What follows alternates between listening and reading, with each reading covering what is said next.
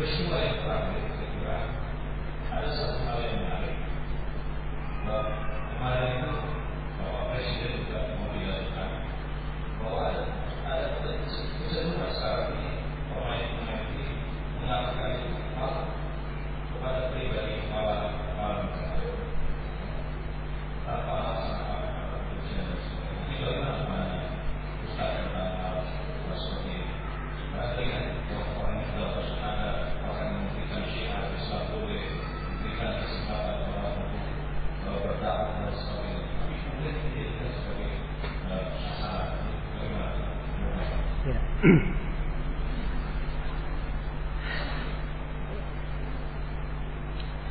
terima kasih banyak atas pertanyaan Bapak Menteri Kehutanan yang kami hormati. Berkaitan dengan masalah yang pertama tentang nas-nas yang terdapat di dalamnya perintah umum untuk memerangi orang-orang kafir. Seperti misalnya ayat dalam surat Taubah. Ya. Waqatiluhum waqatilul musyrikina haitsu wajadtumuhum dan perangilah kaum musyrikin di mana pun kalian mendapat mendapati mereka. Ya. Sebagaimana yang saya terangkan tadi bahwa jihad itu ada beberapa fase. Nah ayat-ayat yang seperti ini, ini kaitannya peperangan secara umum itu di fase yang terakhir. Di fase yang terakhir setelah kaum muslim mempunyai kesiapan yang lengkap. Itu yang pertama. Kemudian yang kedua, dari hal yang saya belum sentuh di pembahasan, padahal ini adalah hal yang sangat penting sekali. Ya.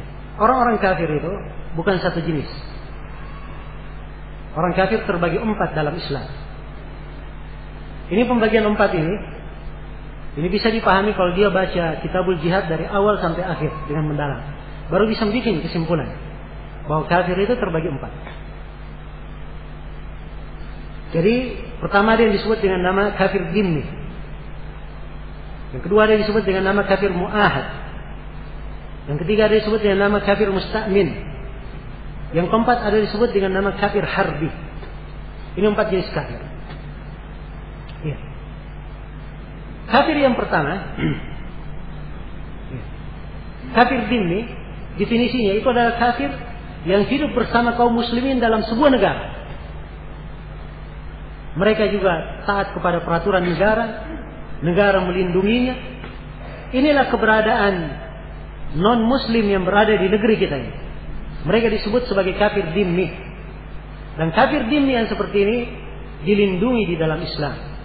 Di dalam hadis yang diriwayatkan oleh Imam Al-Bukhari dan Muslim, Rasulullah sallallahu alaihi wasallam bersabda, "Zimmatul muslimin wahidah yas'a biha adnahu." Zimmah perlindungan kaum muslimin adalah satu, dijaga oleh orang-orang yang paling di bawah mereka. Dijaga oleh orang-orang yang paling di bawah mereka. Jadi dari bawah sampai atas, dari kepala negara, rakyat, semuanya harus menjaga hal tersebut. Harus menjaga perjanjian tersebut. Iya. Ini kafir yang pertama, kafir dimi. Kafir yang kedua adalah kafir mu'ahad. Kafir mu'ahad itu adalah kaum kaum kufar yang berada di sebuah negeri. Namun negeri ini telah terjadi ter, terjalin perjanjian dengan negeri kaum muslimin untuk tidak saling memerangi. Ya. Ini keberadaan ya kebanyakan negeri-negeri di masa ini semuanya punya hubungan dengan negeri-negeri yang lainnya dari sisi itu. Ya. Kalau di masa dahulu kita beri percontohan dengan perjanjian apa? Hudaybiyah. Setelah perjanjian Hudaybiyah, maka seluruh kaum kufar di Makkah itu berubah statusnya. Mereka menjadi kaum kafir apa? Kafir mu'ahad. Dan di kafir mu'ahad ini Nabi Shallallahu Alaihi Wasallam menyatakan dengan pernyataan yang sangat tegas. Andai kata mereka yang meledakkan itu berpikir dia terhadap pernyataan Nabi ini, mereka akan banyak mengambil faedah. Nabi bersabda dalam hadis riwayat Bukhari, kata beliau, "Man qatala mu'ahadan lam yarah raihatal jannah." Siapa yang membunuh kafir mu'ahad, dia tidak akan mencium baunya surga. Ya. Bayangkan orang kafir, siapa yang membunuh, ya, ancamannya tidak mencium baunya surga. Kalau kita kaitkan dengan pemikiran sebagian anak muda itu tadi, ya membunuh orang kafir kok nggak masuk surga, kan begitu? Ya, tapi di sini letak keindahan Islam. Ya, apa fungsinya perjanjian? Setelah mengadakan perdamaian, Islam ini agama yang dididik dengan amanah, dengan keadilan, menjaga apa menunaikan janji. Tidak ada khianat dan tidak ada gadar di dalam Islam, tidak ada pelanggaran terhadap janji. Ya. Maka ini kafir yang kedua, kafir muahad namanya. Ya. Kafir muahad dilindungi. Kafir yang ketiga namanya kafir musta'min. Kafir musta'min adalah kaum kafir masuk ke negara kaum muslimin. Ketika dia masuk ke negara kaum muslimin, dia masuk dengan jaminan keamanan. Jaminan keamanan dari negara. Apakah dia adalah turis masuk, kemudian distempel di imigrasi, jaminan keamanan dari negara. Atau dia adalah tamu, diundang oleh negara, dijamin oleh negara. Atau misalnya dia punya keluarga di dalam negara, keluarganya mengundang dia untuk datang. Ini juga jaminan. Sebab kalau anggota dari masyarakat di dalam negara memberikan jaminan, maka pimpinan kaum muslimin wajib melindungi. Ya. Karena itu dalam hadis riwayat Bukhari dan Muslim, ketika Fathu Mekah, ya, ditaklukkan Mekah, maka waktu itu Ummu Hani memberikan jaminan keamanan untuk saudaranya masuk ke Mekah. Dia masih kafir saudaranya. Ali bin Abi Thalib radhiyallahu taala sebaliknya ingin membunuh orang tersebut kalau dia masuk ke Mekah. Maka Ummu Hani datang mengadukan perbuatan Ali bin Abi Thalib kepada Nabi Shallallahu Alaihi Wasallam. Maka Nabi Shallallahu Alaihi Wasallam sebagai pimpinan negara, beliau berkata, pada ajar naman ajar ti Ummu Hani. Kami telah melindungi siapa yang kamu lindungi, wahai Ummu Hani. Perhatikan, seorang perempuan bagian dari negara dilindungi oleh pimpinan negara. Ini kafir mustahil, tidak boleh untuk dia dibunuh. Ini tiga jenis kafir semuanya dihitung kepada ad-dima al-ma'suma, darah mereka ini terlindungi. Sama dengan jiwa seorang muslim, terjaga darahnya. Mereka juga terjaga darahnya. Jelas? Dan dimaklumi bahwa jiwa seorang muslim di sisi Islam itu lebih berharga. Tapi dari sisi keharaman darah dan dijaga, semuanya dijaga oleh Islam. Iya. Selain dari tiga kafir ini, itulah kafir yang keempat disebut dengan nama kafir apa? Kafir harbi. Kafir harbi inilah pembahasan jihad secara fisik. Ya kalau membahas jihad secara fisik, arahannya kepada seluruh pembahasan jihad, ini berkaitan dengan kafir apa? Kafir harbi. Kafir dini yang memerangi kaum muslimin itu berubah statusnya dari kafir dini menjadi kafir apa? Harbi. Karena itu kafir kaum musyrikin di Mekah tatkala mereka membatalkan perjanjian, ya, mereka berkoalisi dengan orang-orang kufar di sekitar Medina untuk menyerang kaum muslimin di Medina. Ya. Maka semenjak itulah mereka berubah status. Ya. Menjadi kafir apa? Kafir harbi. Itulah ayat di dalam surat Taubah. Karena itu di dalam sebelum ayat yang saya bacakan tadi dan ayat setelahnya itu berkaitan dengan masalah janji. Kalau mereka tetap di atas janji mereka di perjanjian itu, lanjutkan janji itu. Kalau mereka membatalkannya, maka batalkan janji tersebut. Ya. Dan perintah memeranginya itu apabila mereka membatalkan janji, membatalkan janji tersebut. Maka ini keterkaitan fikih di dalam memahami ayat. Karena itulah yang saya nasihatkan ya kepada seluruh kaum muslimin untuk memahami nas secara baik. Dari kaidah pendalilan dalam Islam tidak boleh mengambil satu dalil dia tinggalkan dalil yang lain. Tidak boleh membuat kesimpulan sebelum dia kumpulkan seluruh kesimpulan dalil yang ada di dalam masalah. Bukan dalil yang terkait langsung saja. Dalil yang tidak terkait langsung juga dikumpulkan. Setelah itu kumpul seluruhnya baru keluar kesimpulan keluar kesimpulan. Nah, ini ciri khas akidah Islam dari dahulu hingga sekarang. Karena itu akidah ahli sunnah dari dahulu sampai sekarang tidak pernah ada perselisihan. Tidak pernah ada silang pendapat di kalangan ulama. Ya.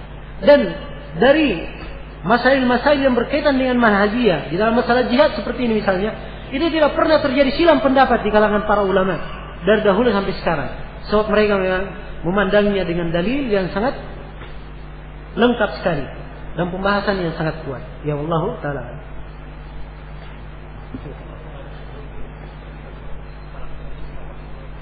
Ya. Kemudian pertanyaan yang kedua. Ya. Berkaitan dengan masalah uh, adanya terjadi perbuatan terorisme, salah satu akar perbuatan tersebut terjadi apabila dilakukan dari kaum dari anak-anak muda yang bernisbat kepada kaum muslimin salah satu akar terjadinya itu karena adanya apa cara-cara terselubung ya di dalam memalingkan umat. Ya. Jadi mereka punya cara-cara yang sangat halus sekali. Dan tahapan-tahapan bagaimana caranya mereka menjauhkan umat dan membentuk orang-orang yang bisa dibentuk untuk melakukan peledakan. Yang pertama yang ditanamkan kepada anak muda itu, pertama yang ditanamkan adalah kebencian kepada penguasa. Itu harus kaidah pertama. Tidak ada yang melakukan peledakan dengan yang disebut tadi dari sisi agama. Tidak ada yang melakukannya dari sisi agama kecuali semuanya pasti ada kebencian kepada penguasa. Itu hal yang harus ditanamkan. Paling pertama. Iya. Karena itu orang khawarij cikal bakal yang saya sebutkan tadi dalam hadis Nabi, dia langsung berkata kepada Rasulullah, "Ya Rasulullah, berbuat adillah kamu." Terarah kepada penguasa. Memang kaitannya seperti itu. Iya. Dan bagaimana mereka membunuh Ali bin Abi Thalib radhiyallahu taala anhu, membunuh Utsman bin Affan radhiyallahu taala anhu. Ya. Ini keterkaitan dengan apa? Dengan penguasa. Jadi asalnya kalau penguasa sudah dianggap kafir oleh mereka, sudah dianggap sebagai penguasa yang zalim, tidak wajib ditaati, tidak wajib dipatuhi, maka mereka sudah keluar ya, dari al-jamaah. Masuk kepada tahapan yang kedua. Tahapan yang kedua mereka mencela ulama. Ya.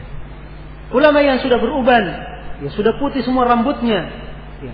Mereka menghabiskan umurnya di atas ilmu, keimanan, di atas dakwah, menasihati umat dari ulama besar kita di masa ini. Itu semuanya nggak ada yang dipercaya. Dianggap sebagai antek-antek pemerintah penjilat penjilat penguasa. Ya. Ini saya tidak merekayasa ada di dalam tulisan-tulisan dan ucapan-ucapan mereka. Ya. Tulisan-tulisan ucapan-ucapan mereka. Kenapa? Sebab kalau anak muda sudah jauh dari ulama ya, mereka sudah tenang untuk menggodok anak muda ini kepada arah yang mereka inginkan. Iya.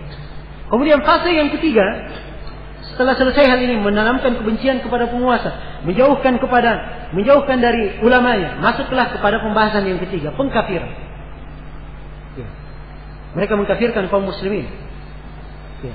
Dan sangat disayangkan ideologi-ideologi pengkafiran ini itu ada di dalam buku-buku sudah diterjemah ke dalam bahasa Indonesia dan masya Allah dijual laris di toko-toko buku besar di Indonesia ini.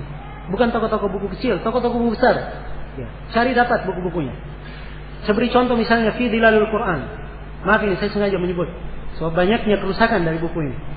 Di dalam buku ini pengkafiran terhadap seluruh masyarakat muslim yang ada di atas muka bumi. Ya. Tidak ada lagi masyarakat muslim. Semuanya masyarakat jahiliyah. Kira-kira anak muda yang diberi doktrin seperti ini, apa pendapatnya? Ya semuanya kafir, boleh dibunuhi, boleh diperangi. Kan begitu? Sampai ada dua orang yang ada yang pernah tobat dan sadar, dia kisahkan dirinya. Dia pernah berdua dengan temannya di Mekah, Orang-orang lagi tawaf, lagi ibadah, dia berkata bahwa muslim yang hidup di muka bumi ini cuma kita berdua saja. Coba yang ya. Ini ideologi pemikiran seperti ini. Ini kalau nggak di, dibereskan dan diluruskan, subhanallah. Betapa banyak kerusakan yang muncul. Setelah pengkafiran, ya sudah. Ya, lihatlah hasilnya. Hasilnya lihat. Ya. Hasilnya lihat. Dan kalau kita baca dalam buku-buku ya orang-orang pergerakan itu yang mengarah ke sana ya. dari tahapan pengkafiran ini setelahnya ada tahapan menghimpun kekuatan-kekuatan untuk melakukan aksi-aksi teror ya. bahkan tertulis dalam buku-buku mereka bagaimana caranya menyusupkan persenjataan dari negeri ini masuk ke ini ya. itu tertulis dalam catatan-catatan murid-muridnya yang membukukan ya, pemikiran gurunya nah maka ini pemikiran yang seperti ini terus berkembang karena itu tidak menutup kemungkinan memang bahwa arahan-arahan dari perbuatan teror itu bisa mengarah kepada banyak pihak. Ya. Bisa mengarah kepada banyak pihak dan kepada seluruh pihak bahkan yang tidak sejalan dengan mereka. Tidak sejalan dengan mereka. Karena itu kalau ada yang punya ideologi yang seperti ini, maka hendaknya ya, dilakukan cara yang bijaksana dengan mereka bagaimana cara mendebat dan mengeluarkan pemikiran ini dari kepalanya. Ya, sebab ini adalah pemikiran yang sangat berbahaya. Ya. Hari ini, hari kemarin, ya sudah meninggal. Sudah dilakukan eksekusi terhadap tiga orang. Ya, dan itu adalah hukum yang terhadap ya, untuk pemerintah di dalam pelaksanaannya. Sebab hukum terhadap pelaku terorisme dalam bentuk yang seperti itu di dalam Islam cuma satu, tidak ada lain. Hukumnya adalah hukum bunuh. Ya. Allah menyatakan dalam Al-Quran, Innama jazaa'ul ladina يحاربون الله ورسوله ويفسدون في الأرض ويسعون في الأرض فسادا أن يقتلوا أو يصلبوا أو تقطع أيديهم وأرجلهم من خلاف أو ينفوا من الأرض Sungguhnya balasan untuk orang yang memerangi Allah dan Rasulnya. Atau dia berbuat kerusakan di muka bumi. Perhatikan, berbuat kerusakan di muka bumi. Balasannya dia dibunuh, atau disalib, atau dipotong tangannya, ya, secara bersilang, tangan dan kakinya, atau diasingkan dari bumi. Ya.